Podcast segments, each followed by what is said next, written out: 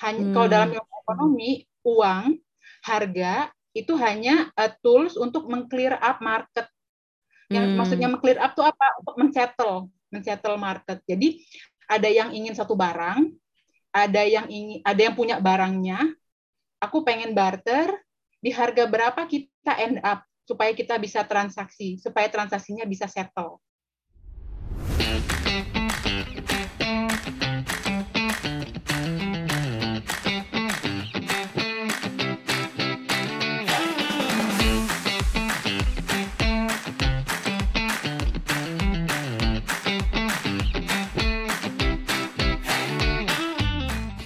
Halo semuanya, kembali lagi di Tips and Trick.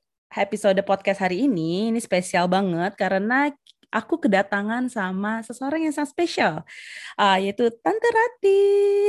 Halo, Halo Tante Rati.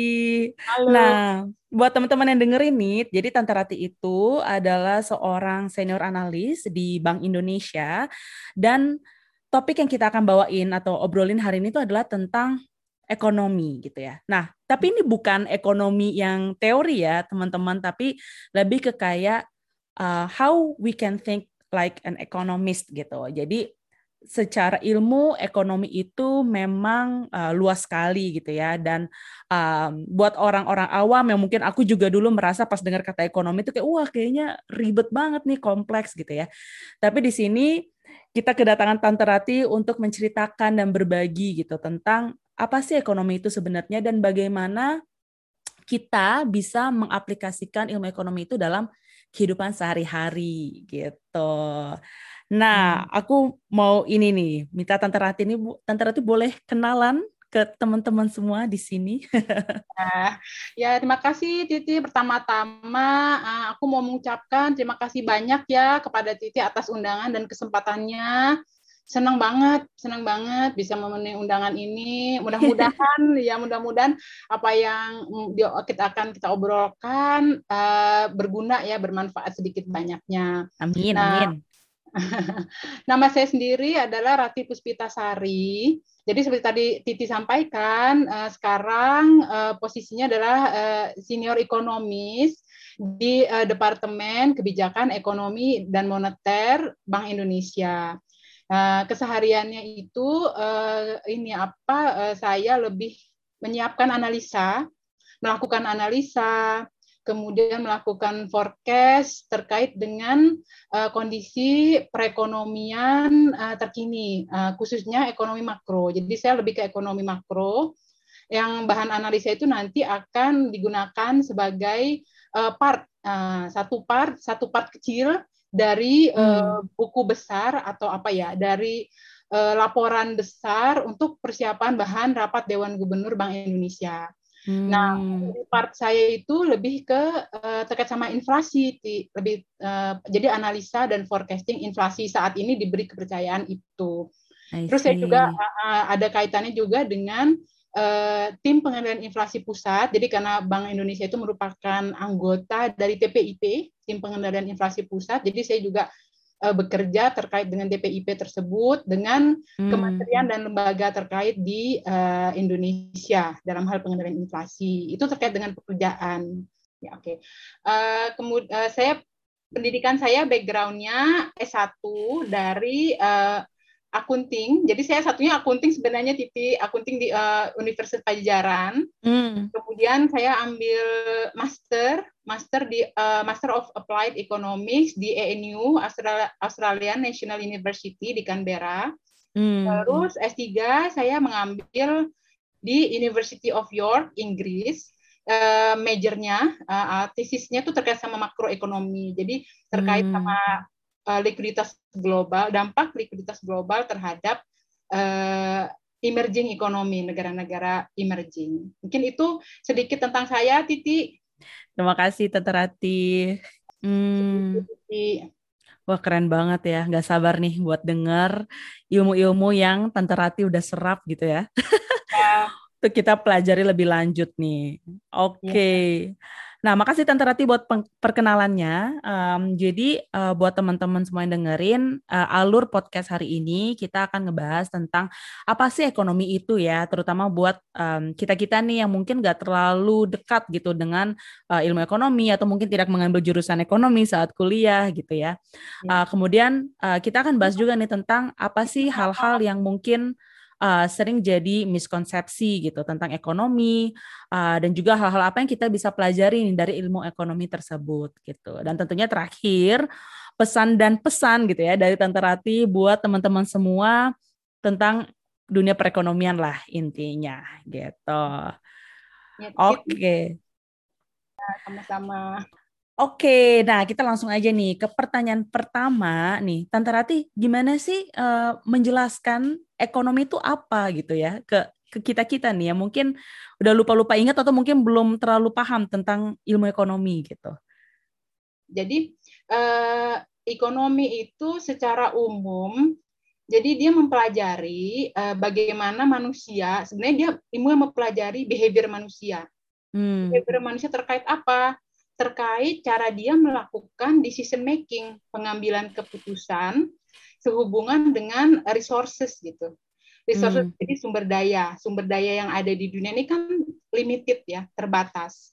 Nah, hmm. dengan keterbatasan uh, resources tersebut, bagaimana manusia ini mengambil keputusan gitu. Jadi dia mempelajari uh, economic motif itu istilahnya tuh economic motif, motif-motif ekonomi yang me mendrive atau mendorong manusia itu untuk mengambil ke, suatu keputusan terkait resources itu. Jadi kalau aku punya uang, nah kayak aku punya uang, aku akan gunakan uang ini buat apa? Aku simpan atau aku belikan hmm. apa? Kurang lebih seperti itu. Nah, dalam kehidupan sehari-hari pasti ya, pasti kita ada kaitannya eh, seba, apa kaitannya kita sebagai economics agent gitu. Hmm. Seperti tadi Titi sampaikan, eh, aku setuju banget. Jadi memang uh, ekonomi itu sangat luas ya, sangat luas dan dia tuh applies dalam kehidupan kita sehari-hari gitu. Dan hmm. kita sebagai economics agent pasti kita harus uh, mengambil keputusan-keputusan ekonomi setiap harinya gitu, atau bukan mungkin kalau bulan setiap hari, regularly gitu. Jadi secara rutin pasti kita mengambil keputusan-keputusan ekonomi. Baik kita sebagai mungkin kita sebagai konsumen atau kita sebagai produsen atau sebagai hmm. pengusaha, pengusaha kecil, pengusaha besar ataupun uh, sebagai sebuah lembaga gitu. Jadi uh, lembaganya di dipandang sebagai sebuah individu gitu. Jadi bagaimana si lembaga ini uh, mengambil keputusan ekonomi, misalnya pemerintah atau bank sentral atau uh, perusahaan atau bahkan kayak universitas gitu. Jadi itu jadi dia menjelaskan bagaimana keputusan-keputusan oleh economics agent itu dibuat dibuat gitu. Jadi apa eh, landasannya, apa latar belakangnya. Nah, hmm. cabang-cabang hmm. ekonomis itu luas banget. Tadi seperti tadi katakan, ada ada makro, ada mikro, dan masing-masing aja. Jadi makro itu punya cabang-cabang lagi, mikro itu juga punya cabang-cabang lagi. Mungkin kalau supaya lebih kebayang kira-kira ya eh, seperti apa sih ekonomis itu mungkin dikasih contoh kali Titi ya. Hmm, boleh tante. Ya. Nah, kalau contohnya mungkin di sisi uh, mikro ya, ekonomi mikro. Nah, di salah satu cabang ekonomi mikro itu ada yang namanya price theory. Price theory, hmm. teori harga. Nah, di teori harga itu kita mempelajari eh, kenapa harga suatu barang atau jasa itu sebesar itu. Sebagai hmm. contoh gini nih, kalau kita mau nonton konser, seba, eh, contohnya siapa ya? Umpamanya Raisa gitu ya. Hmm. Kita, kita eh, mau menghadiri konser Raisa. Nah, Raisa itu kan bayarannya pasti gede ya, Ti ya. Mungkin hmm saya berapa? 100 juta. Umpamanya saya juga nggak tahu persis ya tapi saya dia dia dibayar 100 juta. Dan di dan orang uh, collectively mau membayar Raisa itu 100 juta. Hmm. sementara uh, tim back office tim back uh, stage-nya tim backstage-nya uh, bukan bermaksud mengecil tapi kayak uh, tim backstage-nya itu mungkin dibayar jauh lebih rendah. Misalnya hanya ratusan ribu dengan jam kerja yang sama misalnya dua jam gitu. Dari hmm. jadi Raisa dibayar 100 juta sama-sama satu tim kan mereka satu tim besar. Raisa dibayar 100 100 eh, juta untuk waktu dua jam sementara tim backstage-nya itu mungkin hanya ratusan ribu. Kan capeknya sama tuh bahkan mungkin uh, apa yang backstage-nya lebih capek mungkin ya. Hmm. tapi ini kenapa itu? Prasetyo itu menjelaskan uh, kenapa uh, satu orang bisa dibayar jauh lebih mahal dibandingkan dengan orang lain uh, itu kan dan pertanyaannya adalah apakah itu adil gitu? Adil enggak hmm. gitu? Itu kan nggak ada intervensi pemerintah kan bukan pemerintah yang me mengatakan bahwa oh kalau penyanyi itu harus dibayar sekian gitu. Back hmm. basis enggak itu adalah market mechanism. Jadi mekanisme pasar yang membentuk harga sedemikian rupa sehingga itulah yang terjadi gitu Hmm. Nah, adil hmm. atau enggaknya itu merupakan pertanyaan yang menarik gitu. itu itu dalam hal mikro ya, salah satu hmm. contoh di makroekonomi di price theory. Nah, kalau yang dalam hal makroekonomi itu sebagai contohnya umpamanya gini. Eh, biasanya kalau makroekonomi itu memandang masalah itu eh, lebih besar. Jadi dalam hal negara biasanya gitu. hmm. gitu. Jadi negara, kebijakan eh, negara gitu. Nah, sebagai contohnya kenapa Amerika kenapa rakyat Amerika Amerika itu bisa mengkonsumsi sedemikian banyak resources ya, sedemikian banyak sumber hmm. daya yang ada di dunia ini dibandingkan dengan Indonesia umpamanya atau emerging economies lainnya gitu. Kenapa sih Amerika tuh bisa konsum sedemikian banyak resources hmm. yang ada di dunia dibandingkan dengan negara-negara lain gitu, emerging economies gitu. Atau uh, kenapa saat uh, saat krisis keuangan Asia kan tahun 9798 hmm. kan investor tuh orang memburu US dollar ya. Jadi dia nyari hmm. US dollar. Oke okay lah itu make sense ya karena kan krisisnya di Asia orang flight to quality. Jadi dia mencari mata uang yang terbaik terus dia meninggalkan uh, outflow. Jadi uh, kapitalnya outflow dari negara-negara yang bermasalah uh, keuangannya. Nah, hmm. tapi di tahun 2007 2008 di itu kan uh, apa uh, AS ya yang mengalami jadi epicentrum itu di AS financial crisisnya yang 2007-2008. Mata uang apa yang diburu ti pada saat itu? US dollar juga gitu. Hmm, betul. Itu kan pertanyaan yang menarik ya. Kenapa pada saat uh, eh, US financial crisis yang diburu kenapa bukan Padahal uh, dia yang lagi krisis gitu ya? betul. ya. Nah, betul. Renminbi.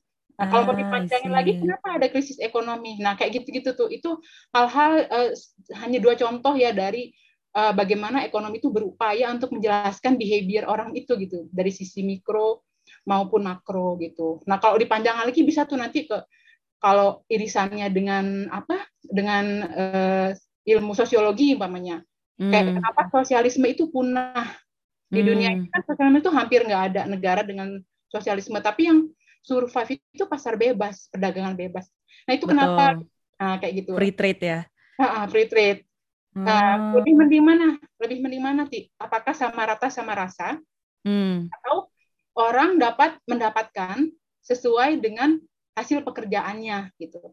Tapi kalau yang pilihan yang kedua, end up-nya adalah orang yang simply dia lebih apa ya, dia lebih skilled, nah, dia lebih punya capability, hmm. itu dia akan uh, successful, dia akan lebih kaya, semakin kaya.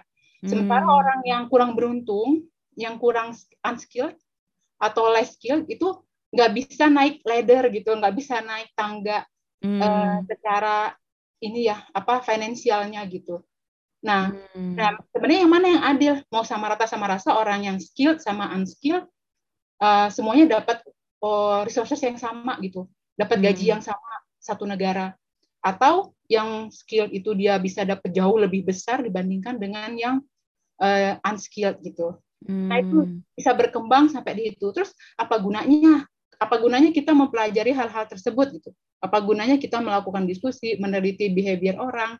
Nah di antaranya itu uh, biasanya untuk melakukan forecasting, nah, hmm. forecasting jadi prediksi, melakukan uh, bagaimana sih uh, memprediksi kondisi ekonomi ke depan. Hmm. Nah buat apa prediksi itu? Uh, untuk melakukan kebijakan, untuk mengambil kebijakan, jadi policy making gitu mana sih yang terbaik, mana yang paling adil secara umum walaupun adil itu sendiri kriterianya tuh susah gitu, tapi mana yang terbaik yang uh, di antara semua pilihan yang harus diambil hmm. secara policy making. Jadi intinya finding the best way to arrange economic interaction. Hmm, Mungkin paling seperti itu nah, ilmu ekonomi. Tapi ini bisa uh, berkembang gitu. Kita tergantung kita diskusi sisinya mau ke mana seperti itu titik tapi kurang lebih seperti itulah jadi seluruh, eh, seluruh sisi kehidupan ada mikro ada makro gitu tapi intinya adalah bagaimana melihat behavior orang terkait dengan sumber daya yang terbatas Seperti itu Titi. I see. Wah, Gimana? menarik banget sih. Menjelaskan banget sih kalau buat aku. Dan yang menariknya adalah uh, aku nggak tahu ya ini aku doang atau mungkin banyak juga yang berpikiran seperti ini. Ekonomi itu pas didengar pertama itu relationnya langsung dengan uang gitu ya, dengan uh, financial gitu. Padahal sebenarnya kayak tadi Tante Rati bilang, it's all about human behavior. Um, and uh, ya either household behavior, misalnya kayak perilaku rumah tangga dari level individual, rumah tangga ataupun sampai negara gitu. Jadi banyak sekali aspek sosial yang disentuh gitu kan. Um, dan itu menurut aku menarik banget sih uh, mempelajari the impact kayak kalau kita mempelajari ilmu ini impact ke society itu seperti apa dari kebijakan-kebijakan yang diambil gitu ya tante. Iya betul Titi betul. Jadi hmm. not just about money gitu. It's more, it's way more than that. It's way apa uh, wider than just money gitu. Money itu hmm. hanya sekedar apa ya? Kayak jadi uh, mm, dulu sebelum ada money, sebelum hmm. ada uang, itu kan kita barter ya. Manusia hmm. di zaman dahulu itu melakukan barter. Itu itu udah udah ekonomi sebenarnya. Jadi itu udah ilmu ekonomi yang menjelaskan. Kalau barter itu kan kita nggak pakai uang gitu Hmm. Tapi kita melakukan suatu uh, aktivitas ekonomi, itu economic motives juga gitu. Jadi uang tuh sebenarnya hanya tools. Hanya hmm. kalau dalam ekonomi, uang, harga itu hanya uh, tools untuk mengclear up market. Yang hmm. maksudnya mengclear up tuh apa? Untuk mensettle, mensettle market. Jadi ada yang ingin satu barang, ada yang ingin ada yang punya barangnya, aku pengen barter, di harga berapa kita end up supaya kita bisa transaksi, supaya transaksinya bisa settle. Hmm. Gitu. Nah itu yang menjelaskan adalah uang berapa harga, hmm. jadi harganya gitu. Karena kan e, kalau barter, barter itu kan ribet gitu, ti. Barter kan hmm. ribet. Kalau tadinya aku punya apa ya? Aku sebagai produsen, e, produsen e, pai susu, mamanya, pai susu. Hmm. Aku butuh e, sabun. Hmm. Nah, ada orang yang memproduksi sabun, aku spesialis di produksi pai susu.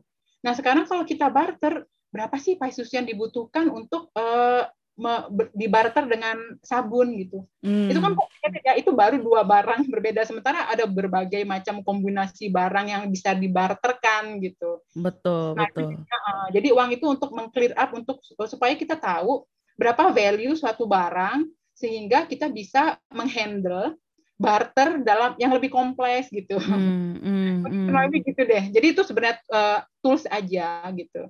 I see. Gitu. Menarik, menarik. Nah, kalau misalnya kita ngomongin tentang misconception ya. Tadi kan mungkin salah satunya itu adalah tentang how economic is all about money when in fact it's not gitu ya tante. Um, it's it's wider than that gitu.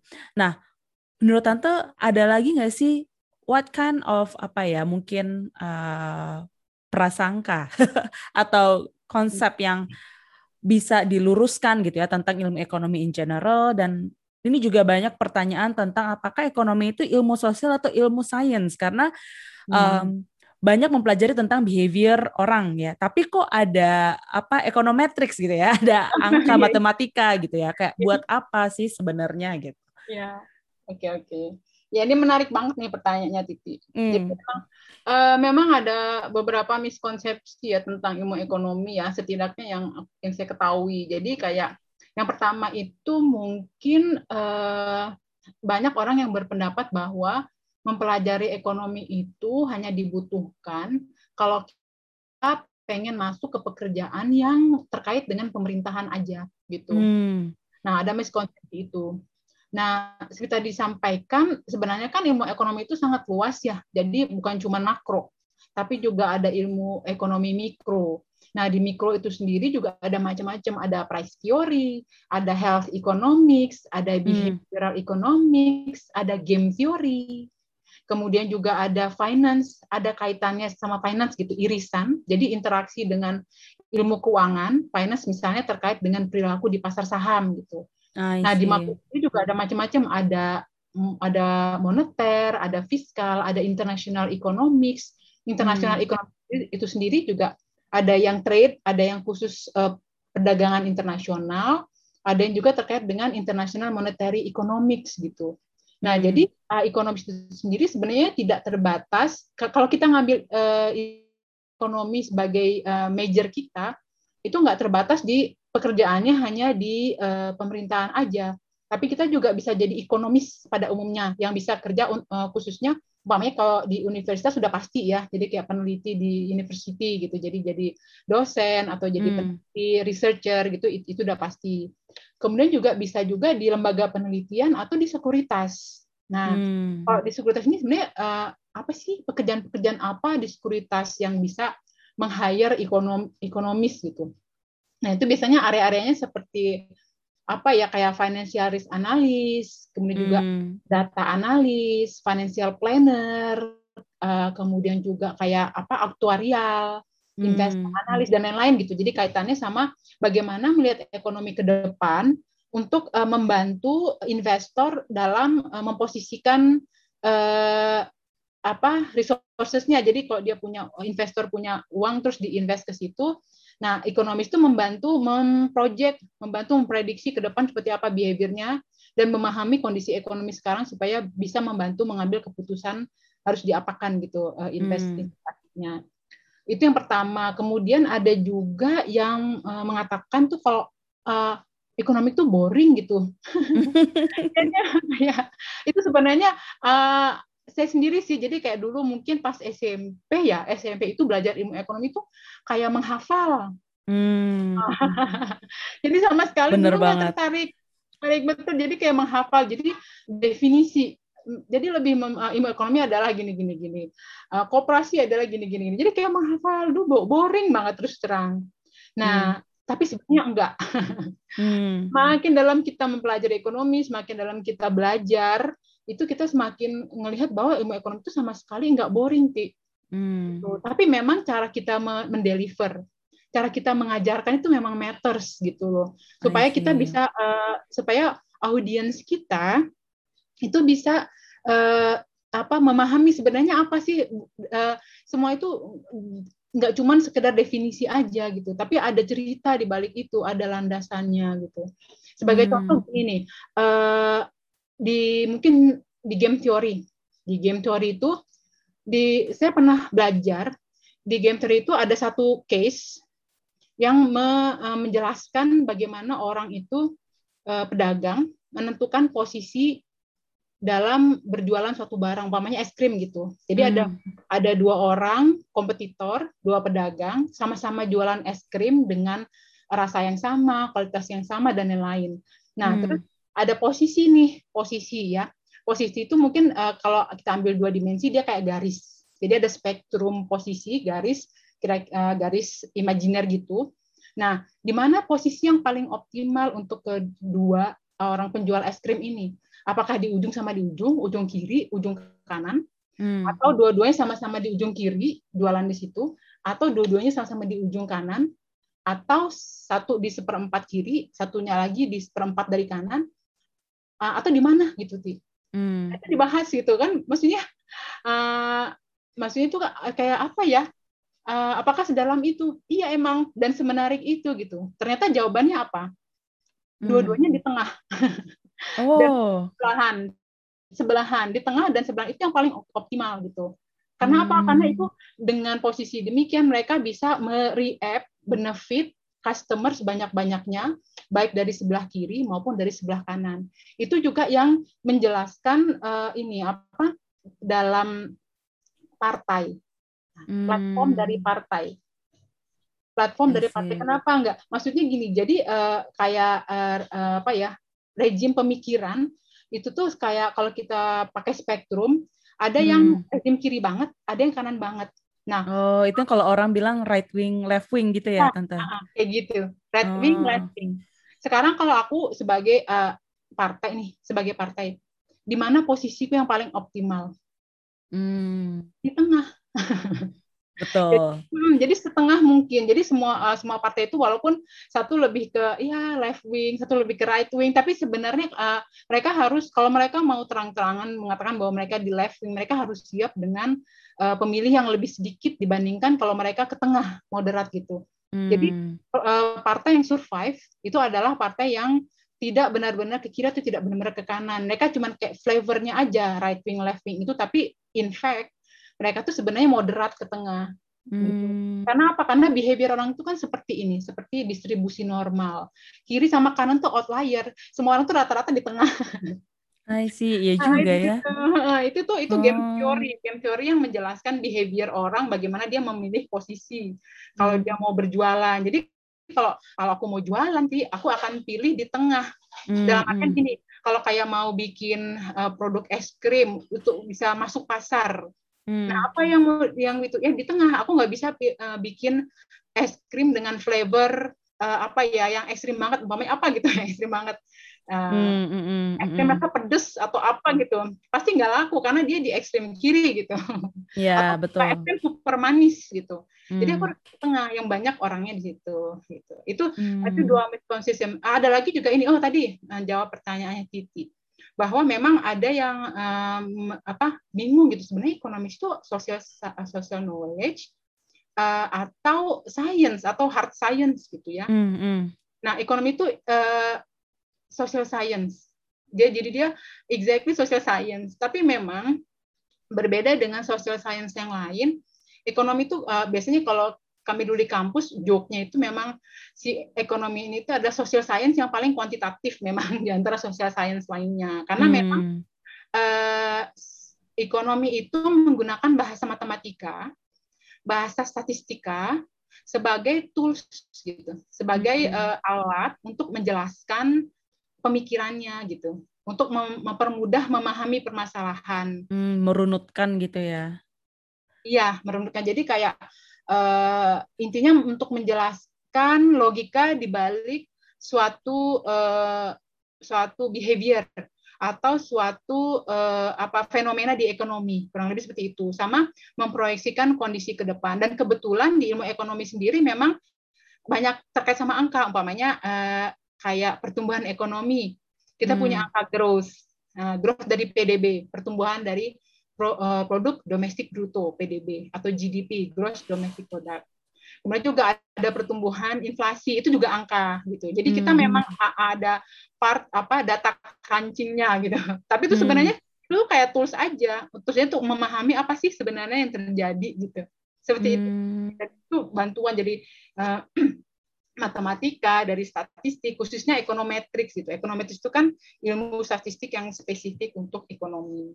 Hmm, I see, I nah, see. Uh, itu sih Titi beberapa hal yang mungkin konsepsi ya di ilmu ekonomi itu sendiri. Wah seru banget ya. Aku tuh jadi mikir gitu dulu kenapa nggak ngambil ekonomi ya. Karena turns out kayak even buat aku pribadi pun baru kayak semenjak kerja sih karena uh, mayoritas kerjaan aku juga ngedeal sama consumer behavior gitu kan. Jadi kayak observing how people behave itu tuh sesuatu yang sangat menarik gitu. Dan aku juga baru recently banget menyadari ternyata ekonomi itu punya irisan yang sangat besar. Bahkan in fact ekonomi mempelajari banyak hal tentang uh, human behavior juga gitu ya. Um, Betul. Itu menarik banget sih. Sebenarnya sama sebenarnya sama sih dulu dulu juga aku dulu kan S1-nya akunting ya. Hmm. Jadi satunya accountant. Sebenarnya uh, akunting sama ekonomi itu satu satu satu ibu ya, sama-sama hmm. fakultas ekonomi gitu. Tapi begitu kan begitu masuk BI, itu kan saya ditempatkan di uh, departemen pengelolaan moneter. Hmm. Nah, departemen pengelolaan moneter itu di situ tuh mulai terekspos sama ilmu hmm. ekonomi. Nah, dari situlah mulai ketertarikannya itu gitu. Jadi, oh rupanya tuh ekonomi itu ini gitu loh. Dan itu menarik banget waktu itu me, men, apa, menyimak pembahasan diskusi orang terkait sama kondisi uh, moneter pada saat itu. Aku nggak ngerti. Hmm. Karena aku backgroundnya accounting. Sebenarnya ngerti cuman kayak kulit karena pembekalan sebelum masuk B itu kita ada pembekalan itu aja jadi cuman hmm. um, cuman ya level introduction gitu. Tapi kayak kayaknya aku harus belajar lebih dalam deh kan menarik gitu. Makanya itu jadi kayak kecebur lebih dalam ke ilmu ekonomi dari situ. Ah I see I see. Menarik banget sih memang untuk didalamin. Ini aku jadi pengen baca-baca lagi sih habis ini. Nah ada satu lagi nih. Bukan mungkin bukan misconception ya tapi mungkin confusion kali uh, dulu aku pas kuliah um, atau mungkin pas SMA kali ya itu selalu bertanya-tanya, kenapa Bank Indonesia nggak punya kartu debit?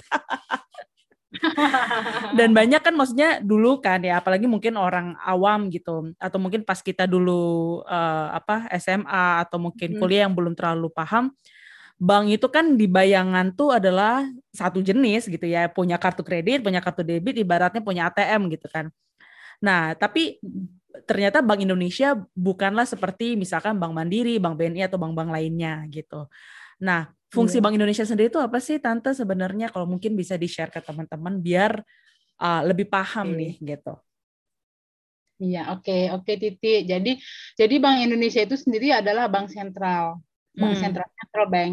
Central bank itu uh, di setiap negara hanya ada satu central bank. Jadi uh, every country has only one central bank gitu atau atau namanya kalau nggak central bank monetary authority. Hmm. Nah, uh, central bank ini kurang lebih sama mandatnya di setiap negara. Mandatnya itu adalah stabilitas perekonomian. Hmm. Mandatnya itu tugas, mandat itu maksudnya tugas ya. Jadi negara itu menugaskan bank sentral untuk menjaga stabilitas perekonomian. Hmm. Nah, stabilitas perekonomian melalui apa? Kalau untuk Indonesia itu adalah stabilitas nilai rupiah. Jadi Bank Indonesia itu ditugaskan oleh undang-undang untuk menjaga stabilitas nilai rupiah. Hmm. Stabilitas nilai rupiah itu apa? Ada dua, ada internal, ada eksternal. Stabilitas hmm. nilai rupiah internal itu dalam kaitannya dengan uh, nilai rupiah di dalam negeri dari waktu ke waktu. Hmm. Jadi seberapa seberapa valuable rupiah itu dari waktu ke waktu itu harus kita pertahankan. Nah, uh, simpelnya apa? Inflasi. Jadi hmm. inflasi itu harus dipertahankan stabil dan rendah uh, sehingga menjamin stabilitas nilai rupiah di dalam negeri. Nah, yang kedua, kalau yang eksternal itu uh, stabilitasnya adalah nilai rupiah terhadap mata uang negara lain. Nah, ini apa sih? Ini namanya kurs yang orang suka bilang kurs, hmm. nilai tukar. Jadi nilai tukar itu macam-macam kan Indonesia terhadap US dollar, Indonesia uh, rupiah, Indonesian rupee terhadap uh, Singaporean dollar atau Indonesian rupiah terhadap uh, pound sterling dan lain-lain. Itu kita harus pertahankan sestabil mungkin. Itu umumnya mandat dari bank sentral di seluruh dunia. Hmm. Di beberapa bank sentral lain ada satu lagi nambah uh, mandatnya yaitu biasanya menjaga pertumbuhan ekonomi. Uh, contohnya di US, di US itu dia mandatnya adalah uh, untuk menekan angka pengangguran. Itu secara undang-undang tuh gitu gitu. Tapi most of central bank itu mandatnya adalah stabilitas perekonomian. Seperti itu titik secara hmm. umum. Tapi sebenarnya bukan cuma itu. Itu tuh yang uh, secara undang-undang kita punya uh, kalau diturunkan lagi ada banyak. Ada yang terkait sama sistem pembayaran. Nah, itu kayak hmm. kita memastikan uh, bahwa sistem pembayaran di Indonesia ini berjalan dengan baik. Nah, itu hmm. itu kita mengatur bank-bank. Kita mengatur bank-bank swasta, bank-bank pemerintah. Jadi bank yang uh, yang bukan central bank, jadi bank-bank lain itu mengatur bagaimana supaya sistem pembayaran itu bisa berjalan dengan lancar.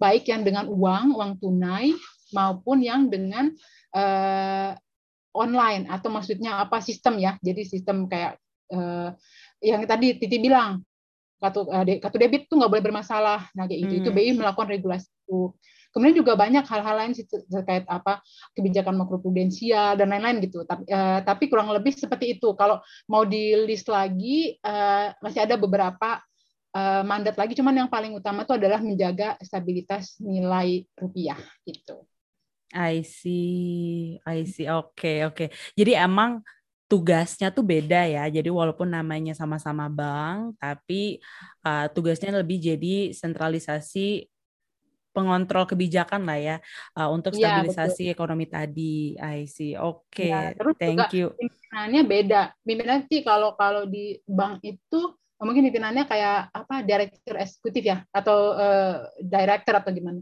Kalau di kita tuh gubernur gubernur bank sentral. Nah gubernur hmm. bank sentral itu kandidatnya dipilih oleh presiden gitu. Jadi hmm. kandidatnya hmm. dipilih oleh presiden. Nanti yang menentukan siapa yang akan jadi uh, bank sent uh, gubernurnya adalah DPR.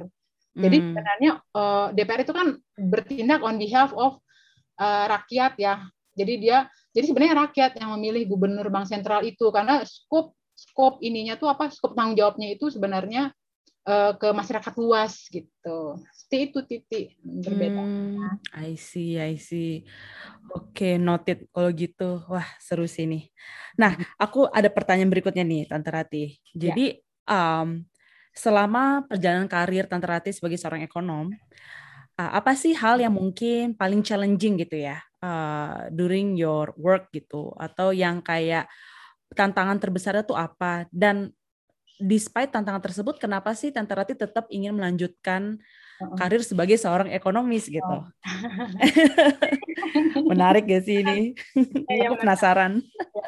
Ya sebenarnya sih secara umum ya secara umum sih sebenarnya nggak ada ya hati secara umum tapi memang uh, aku tuh suka bermasalah sama technical. Jadi kayak gini. Jadi ada part di uh, teori ekonomi. Jadi economic theory itu yang kalau kita uh, mengerjakan itu itu uh, kita menggunakan software yang membutuhkan coding. Hmm. Nah, itu itu aku suka problem di situ. Jadi teknik coding memang susah sih tante. Aduh.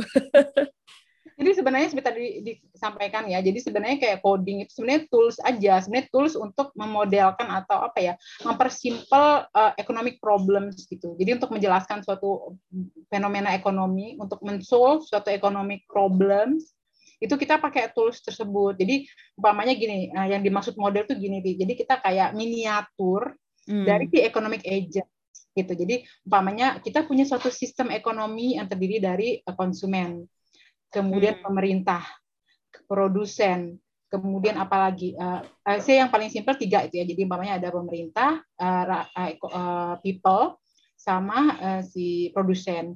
Nah, nanti kita modelkan behavior mereka tuh dalam mathematic equation. Sekali lagi sebagai tools ya. Nah, nanti mathematic equation itu nanti perlu di solve, perlu di solve. Nah, itu membutuhkan komputer. Nah, kalau yang uh, terkait sama coding itu saya biasanya suka problem karena kan latar belakangnya bukan orang komputer ya jadi kayak suka belajar codingnya itu juga uh, nggak terlalu dalam terus uh, terbatas yang terkait sama ekonomi aja. Jadi kalau ada hmm, kesulitan hmm, itu yang suka pusing gitu.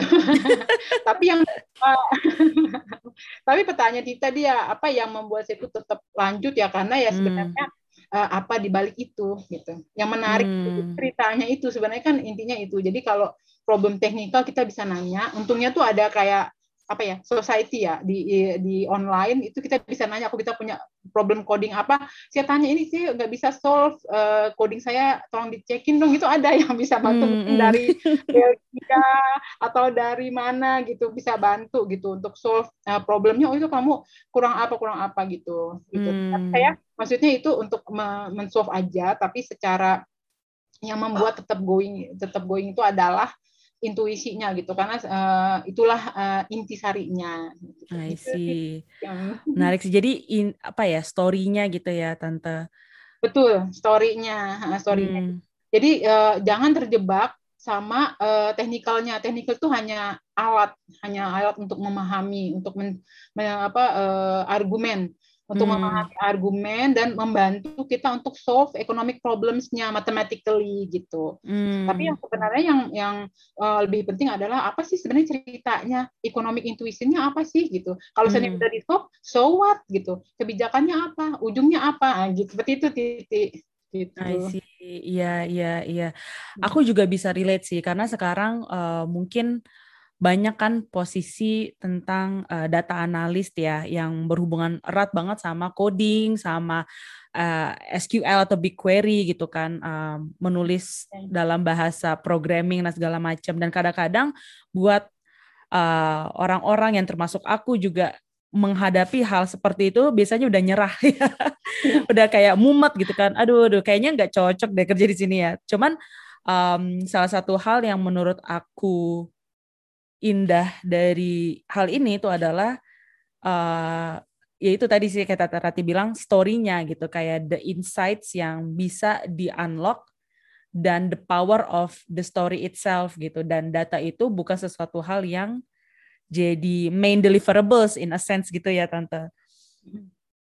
Ya, ya betul betul betul. Iya Titi seperti itu sama. Jadi memang Titi juga ngalamin ya secara ya kalau.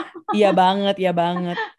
Apalagi kan kalau misalnya uh, fresh graduates ya, tante masuk kerja gitu kan. Uh, biasanya kan kalau anak-anak baru masuk, baru lulus kuliah itu emang di jebrekinnya ke data gitu kan. Kayak tarik data lah, terus ngitung yang benar-benar teknis banget gitu. Dan kadang uh, sering ngerasa hilang arah gitu kan. Um, yeah. Padahal kalau kita tahu nih tujuan dari kita mengambil data tersebut itu untuk apa, hmm. itu akan lebih meaningful kan uh, betul, in betul. a way. Iya, hmm. Ya persis persis seperti itu. kalau kita uh, suka loss ya di data di detail, suka loss hmm. di detail, karena kalau kita oh mungkin kita ah, kalau misalnya kita loss di detail mungkin ternyata kalau kita kembalikan ke uh, pertanyaan awalnya apa sih? Nah mungkin kita bisa cari cara lain gitu loh. Kalau misalnya kita uh, menemu titik buntu di hmm. satu uh, detail, mungkin kita bisa cari cara lain untuk solve problem seperti seperti itu gitu loh. Karena kadang-kadang kalau kita terlalu apalagi kalau pas ambil S3 ya. Kalau ambil S3 hmm. itu kan kita memang uh, super spesialis. Jadi uh, mungkin banyak yang miskonsepsi juga sama S3. Uh, ada yang mengira bahwa orang tuh kalau udah S3-nya Padahal sebenarnya enggak. Apalagi ekonomi di ekonomi itu gini. Jadi kalau kita ngambil S3 gitu super spesial di satu hal.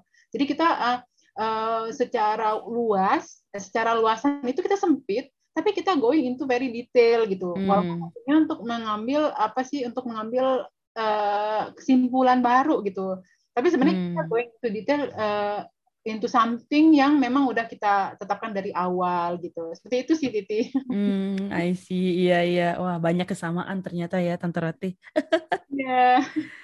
Nah, aku mau masuk ke pertanyaan berikutnya nih Tante. Jadi kan tadi Tante Rati sempat mention ya tentang uh, krisis 98 gitu. Uh, dan menurut aku krisis 98 itu adalah salah satu uh, fenomena dalam sejarah perekonomian ya yang mungkin lumayan membekas gitu di uh, memori gitu ya terutama untuk angkatan uh, aku kali ya karena dulu tuh aku sempat mengalami uh, apa pengalaman yang risuh-risuhnya itulah dulu kan di apa Trisakti ya kalau nggak salah. Yeah. Um, nah dari kejadian-kejadian misalnya salah satunya krisis gitu ya atau mungkin kayak economic boom gitu yang pernah terjadi uh, kalau ada tiga ada tiga apa tiga momen gitu atau tiga kejadian yang mungkin menurut Tante Ati uh, worth to highlight itu apa aja dan ke, apa sih hal yang bisa kita pelajarin dari sana gitu? Oke, ini pertanyaannya uh, cukup berat nih Titi. tapi menarik ya, pertanyaan yang uh, berat tapi menarik. Oke, kalau uh, yang pertama ya, ini tiga hal ya, tiga hal. Oke, yang pertama itu kalau tadi, tadi Titi sampaikan terkait 9798, hmm. uh, itu sebenarnya dia itu mengunderline perilaku manusia itu yang sifatnya itu herding. Jadi dia herding behavior. Hmm, apa tuh tante? Nah, jadi di, herding itu kan gini kayak domba. Domba itu kalau seandainya uh, kita penggembala domba-domba hmm. itu kita gembala-gembala gitu. Jadi domba itu jarang dia lari sana satu, lari sana itu jarang. Jadi uh, dia tuh hmm. selalu dalam bergerak dalam satu kumpulan gitu. Hmm. Atau kayak burung yang lagi migrasi itu dia selalu, uh, uh, apa cenderung bergerak dalam satu gerombolan dan satu uh, satu kumpulan orang. Nah, hmm. itu tuh gini. Jadi itu uh, kalau di ekonomi itu namanya herding behavior. Herding behavior itu orang cenderung bergerak bersamaan dalam satu arah gitu. Hmm. Nah, uh, itu pertama ya di satu sisi di satu sisi ada herding behavior, di sisi lain ada juga yang dikatakan tuh uh, self fulfilling. Jadi self fulfilling prophecy. Self fulfilling itu maksudnya gini. Hmm. Kalau aku berpikir suatu kejadian A akan terjadi, maka the next day kejadian itu kejadian gitu, benar-benar kejadian. Jadi dia hmm. self fulfilling. Jadi ekspektasiku itu self fulfilling. Nah itu sering sekali kejadian di ilmu ekonomi khususnya terkait dengan pasar saham atau krisis. Hmm. Gitu. Nah, jadi gini, sebagai contoh, eh, jadi kalau seandainya uh, mungkin gini 9798 itu kan Asian Financial Crisis itu dimulai di Thailand sama uh, Korea Selatan. Nah itu merembet hmm. ke Indonesia gitu-gitu. Nah Uh, memang sebenarnya ada problem fundamental sih benar. Jadi waktu itu problemnya adalah utang luar negeri yang terlalu besar gitu. Jadi oh. secara rasio utang luar negeri itu udah nggak sustainable memang. Tapi hmm. ada pemantiknya gitu, pemicunya. Pemicunya tuh uh, satu investor keluar dari Indonesia gitu. Nah, hmm. kalau seandainya satu investor keluar dari Indonesia, investor besar gitu ya. Nah, umpamanya investor besar yang keluar dari Indonesia atau uh, investor yang keluar dari suatu pasar saham. Hmm. Nah, orang lain yang ada di pasar tersebut, umpamanya yang ada di Indonesia, investor asing yang ada di Indonesia itu berpikir bahwa orang ini pasti punya suatu informasi yang menyebabkan dia keluar dari Indonesia outflows itu capital outflows. Walaupun dia nggak tahu sebenarnya itu informasi apa. Kalau misalnya investor penting keluar dari Indonesia, wah berarti ini kayaknya dia tahu sesuatu nih yang aku nggak tahu. Hmm. Yang dia lakukan apa? Yang optimal buat dia mengikuti yang sana. Hmm. Mengikuti yang lari duluan. Itu namanya herding behavior. Jadi ada satu yang eh, lari duluan, uh, outflows, capital menarik dananya dari Indonesia. Nah, orang lain akan cenderung ngikutin karena berpikir bahwa yang lain tuh punya informasi yang nggak dia dapatkan gitu. Nah, hmm. itu tuh uh, itu tuh herding behavior kayak gitu. Nah, kalau self fulfilling itu berpikir bahwa oh ini kayaknya Indonesia akan krisis deh. Nah, kalau seandainya Indonesia akan krisis, aku sebagai investor akan cabut uangku dari Indonesia gitu. Hmm. Nah, padahal kalau dia nggak berpikir bahwa Indonesia akan krisis, dia diem-diem aja di Indonesia, krisisnya nggak kejadian gitu. Jadi dia uh, dengan dia berpikir, iya, iya, iya. Nah, itu self fulfilling, self fulfilling itu seperti itu. Jadi dengan hmm. dia berpikir bahwa Indonesia itu akan terjadi krisis semuanya, uh, dia jadi lari dari Indonesia. Nah, hmm. itu itu yang uh, itu yang menyebabkan uh, krisisnya benar-benar kejadian self fulfilling. Nah, itu itu kan ekspektasi itu yang yang berat dalam policy making.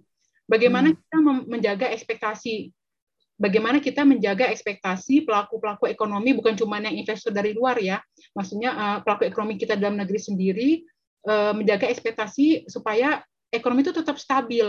Hmm. Nah, sebenarnya gimana sih Ti, caranya menjaga ekspektasi?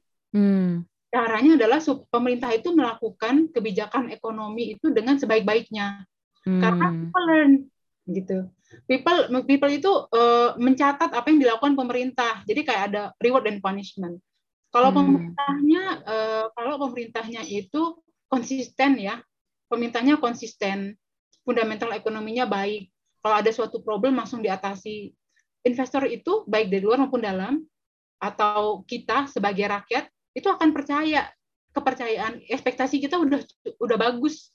So, hmm. makanya self fulfilling nggak gampang kena krisis karena karena si uh, pemerintah karena kita yakin pemerintah nggak akan diem aja nih kalau ada problem. Nah, hal-hal itu ya, kayak gitu tuh yang apa? Yang berat ya, berat tapi uh, apa sangat penting gitu. Jadi hmm. saya menjaga ekspektasi itu kenapa penting gitu. Di makroekonomi itu ekspektasi itu penting. Menarik. Itu kayak kayak psikologi gitu ya, Tante? Ya, psikologi masa. Mungkin uh. ya, makanya itu kenapa ekonomi itu benar-benar ilmu sosial karena dia melihat bagaimana uh, ini gitu, bagaimana uh, orang itu uh, behaves jadi behavior orang gitu baik dari skala mikro dari yang tadi kita kenapa Raisa dibayar ratusan juta sementara hmm. backstage-nya itu cuma ratusan ribu umpamanya hmm. sampai ke uh, perilaku yang sifatnya makro gitu seperti hmm, itu. I see. Hmm. Wah keren banget sih. Aku baru menyadari kayak bisa sedalam oh. itu dan point of view-nya bisa dari sana juga ya. Betul, betul. Jadi even ekonomi ini sampai inequality itu juga termasuk di dalamnya. Betul, betul banget. Dan kenapa ada negara maju makin maju ya negara berkembang di situ-situ aja. Itu aja. Ada negara yang tambah negatif, hmm. ekonomi itu negatif dan nggak bisa bangkit-bangkit itu ada. Nah, hmm. satu benua ya, mungkin nggak etis menyebutkannya, tapi satu benua itu ada pertumbuhan ekonomi itu selalu, selalu negatif. Jadi kita tuh mengukur prosperity, mengukur hmm. eh, kekayaan suatu negara itu tuh dari pertumbuhan ekonomi, dari PDB-nya. Hmm. Nah, itu ada suatu uh, suatu benua itu yang pertumbuhan ekonomi itu negatif terus gitu. Itu kenapa? Hmm.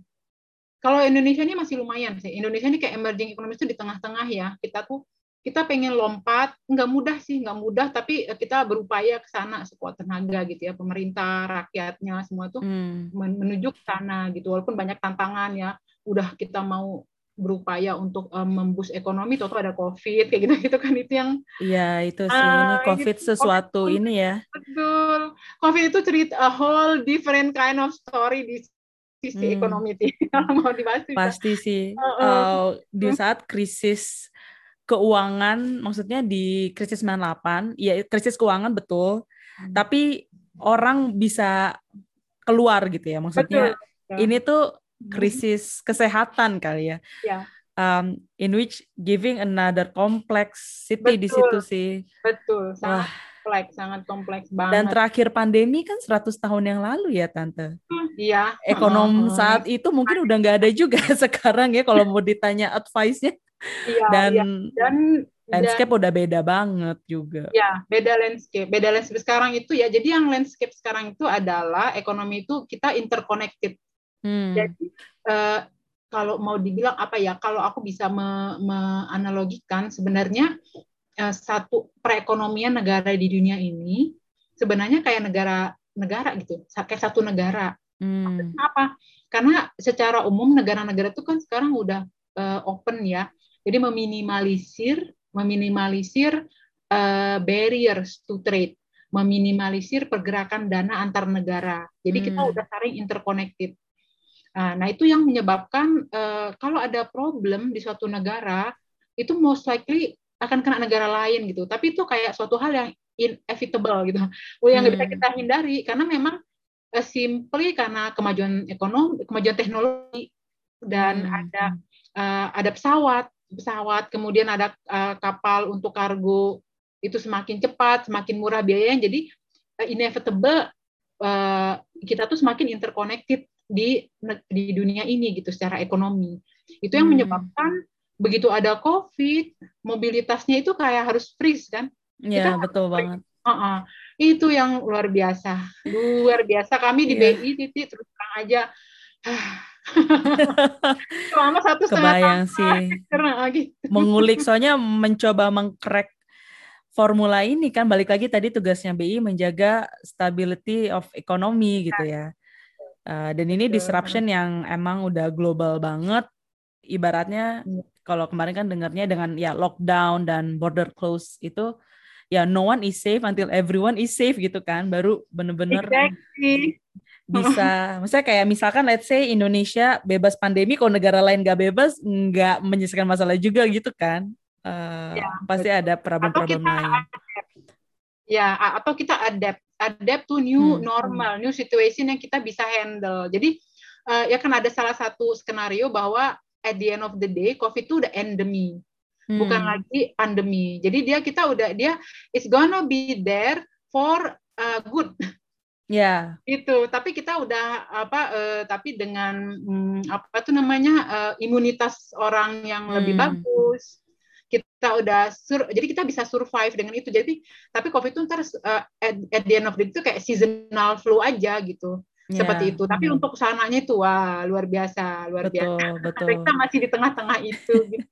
Dan banyak uncertainties yang emang belum bisa kita pahami gitu ya, karena situasinya berubah terus setiap hari gitu. Uh, kayak tahun lalu kan kita nggak nyangka ada delta varian misalkan. Iya. Aduh, memang tapi ini mulia sekali ya tugasnya Tante Rati. Iya, Menyelamatkan iya, negara kita ini. Yang, yang mungkin yang lebih mulia lagi yang itu yang dokter kali ya yang di Wah, itu emang itu tidak diragukan lagi. Memang terima kasih kepada para nakes ya. luar sana.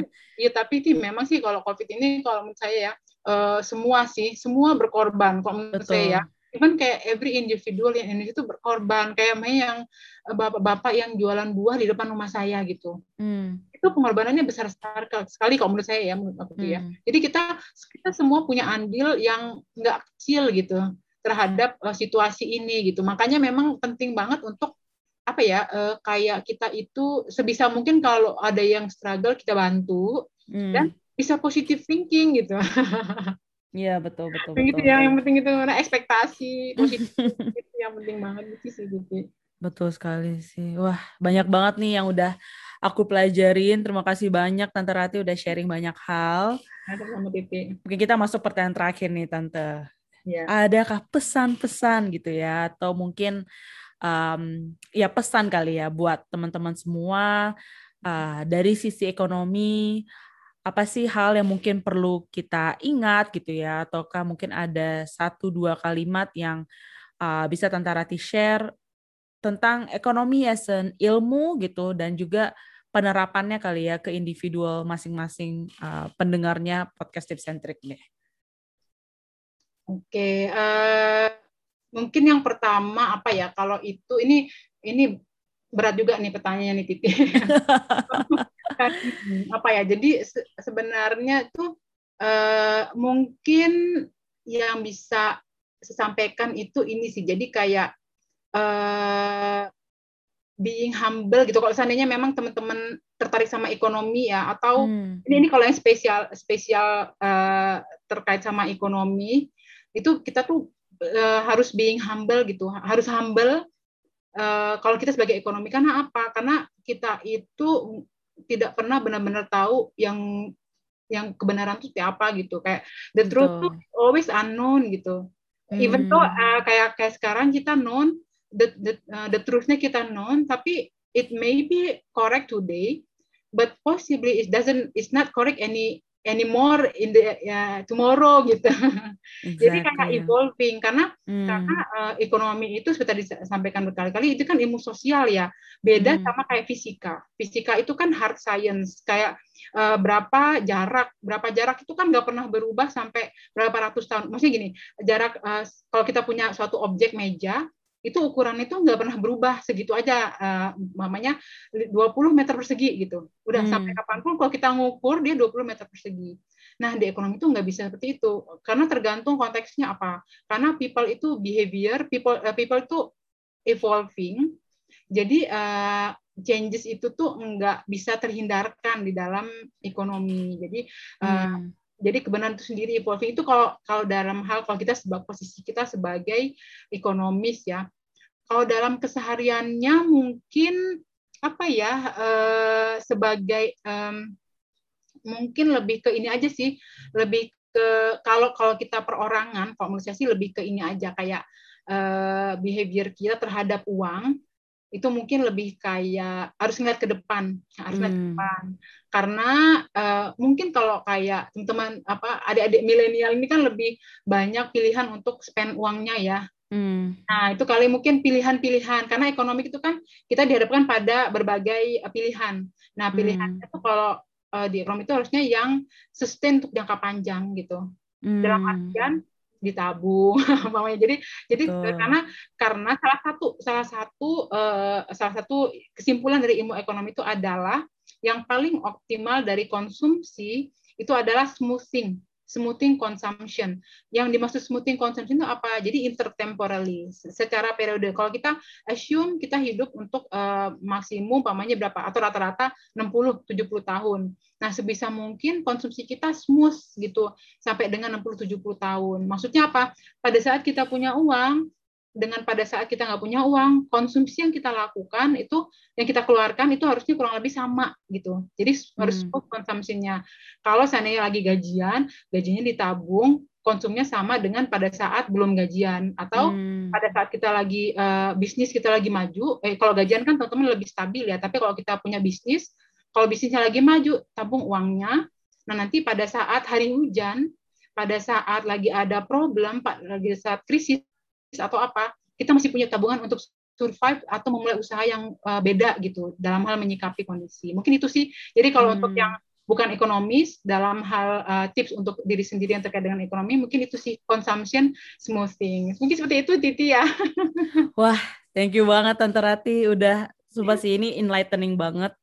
Um, dan emang ternyata banyak hal yang bisa dipelajari dari suatu ilmu ya dalam hal ini adalah ekonomi yang bisa kita aplikasikan dalam framework thinking kita sehari-hari gitu. Yeah. Tadi kayak mulai dari um, thinking about the big picture atau insights gitu ya. Um, kalau misalkan tentang technical aspek atau formula matematika ya pasti ada. Uh, cuman when we think about the big uh, when we think about the big picture itu akan membantu giving meaning into what we do.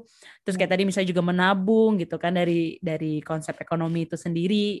Jadi yeah. banyak sekali sih dan sangat-sangat um, useful sebenarnya kalau kita mau mengadap itu ke keseharian kita. Wah, thank you banget ya Tante Rati sekali lagi. Um, gak kerasa kita udah hampir sejam nih podcast bareng dan banyak sekali ya. Semoga ilmu-ilmu ini bisa teman-teman yang mendengarkan uh, tips and trick bisa diaplikasikan juga di kehidupan sehari-harinya. Kalau gitu, sama-sama Mm, iya, makasih banyak, makasih banyak ya. Makasih banyak atas kesempatannya, atas undangannya. Thank you. Senang banget, lagi senang banget. Makasih yes. Titi. Kalau gitu sampai jumpa teman-teman semua. Sampai jumpa di episode berikutnya ya. Dah.